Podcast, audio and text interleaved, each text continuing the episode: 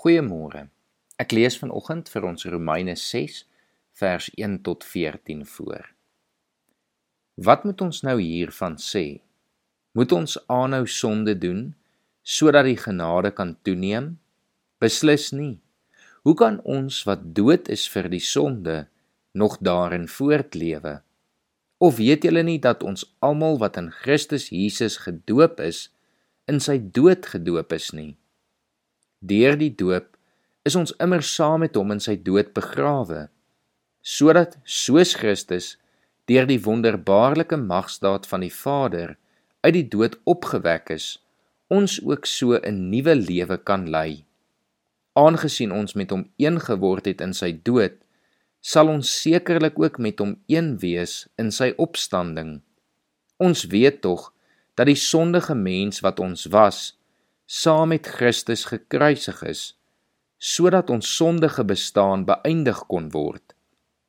Ons is dus nie langer slawe van die sonde nie. Iemand wat gesterf het, is immers vry van die mag van die sonde. Ons het saam met Christus gesterwe. Daarom glo ons dat ons ook saam met hom sal lewe. Ons weet dat Christus, wat uit die dood opgewek is, nie weer kan sterwe nie. Die dood het nie meer mag oor hom nie. Hy het gesterwe en is eens en vir altyd vir die sonde dood. Nou lewe hy en hy lewe vir God.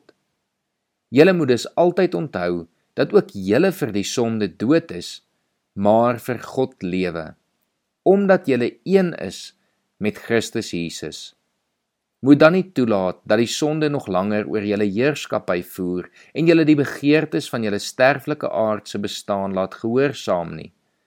Julle moet geen deel van julle liggame in diens van die sonde stel as 'n werktuig om goddeloosheid te bedrywe nie. Nee, stel julle in diens van God as mense wat dood was, maar lewend gemaak is en stel elke deel van julle liggame in diens van God as werktuig om te doen wat God wil. Die sonde moet nie meer baas wees oor julle nie, want julle staan nie onder die wet van Moses nie, maar onder die genade. Hoe dankbaar kan ons nie wees dat God ons deur sy genade verlos het van die wet en die sonde en dat ons nou dood is vir die sonde sodat ons vir God kan lewe nie die goeie nuus van Jesus se koms en sy redding wat dit bewerk het in ons lewe, is dat ons soos vers 6 dit stel, nie meer slawe van die sonde hoef te wees nie. Ons is vrygekoop, vrygemaak om werklik vry te kan wees. Maar dit beteken ook ons moet besluit hoe ons vorentoe gaan en wil lewe. Vers 11 moedig ons aan om onsself in diens van God te plaas wat as mense wat dood was maar lewend gemaak is in sy diens sal lewe. En daarom moet ons elke deel van ons liggaam in sy diens stel as 'n werktuig om te doen wat God wil. Mag dit vir jou 'n groot vreugde wees om so in diens van God te wees om nie meer verslaaf aan sonde te wees nie, om nie meer in diens van sonde te leef nie, maar om onder die genade van God in werklike vryheid voor te kan leef. Kom ons bid saam. Here, dankie dat U ons gered het.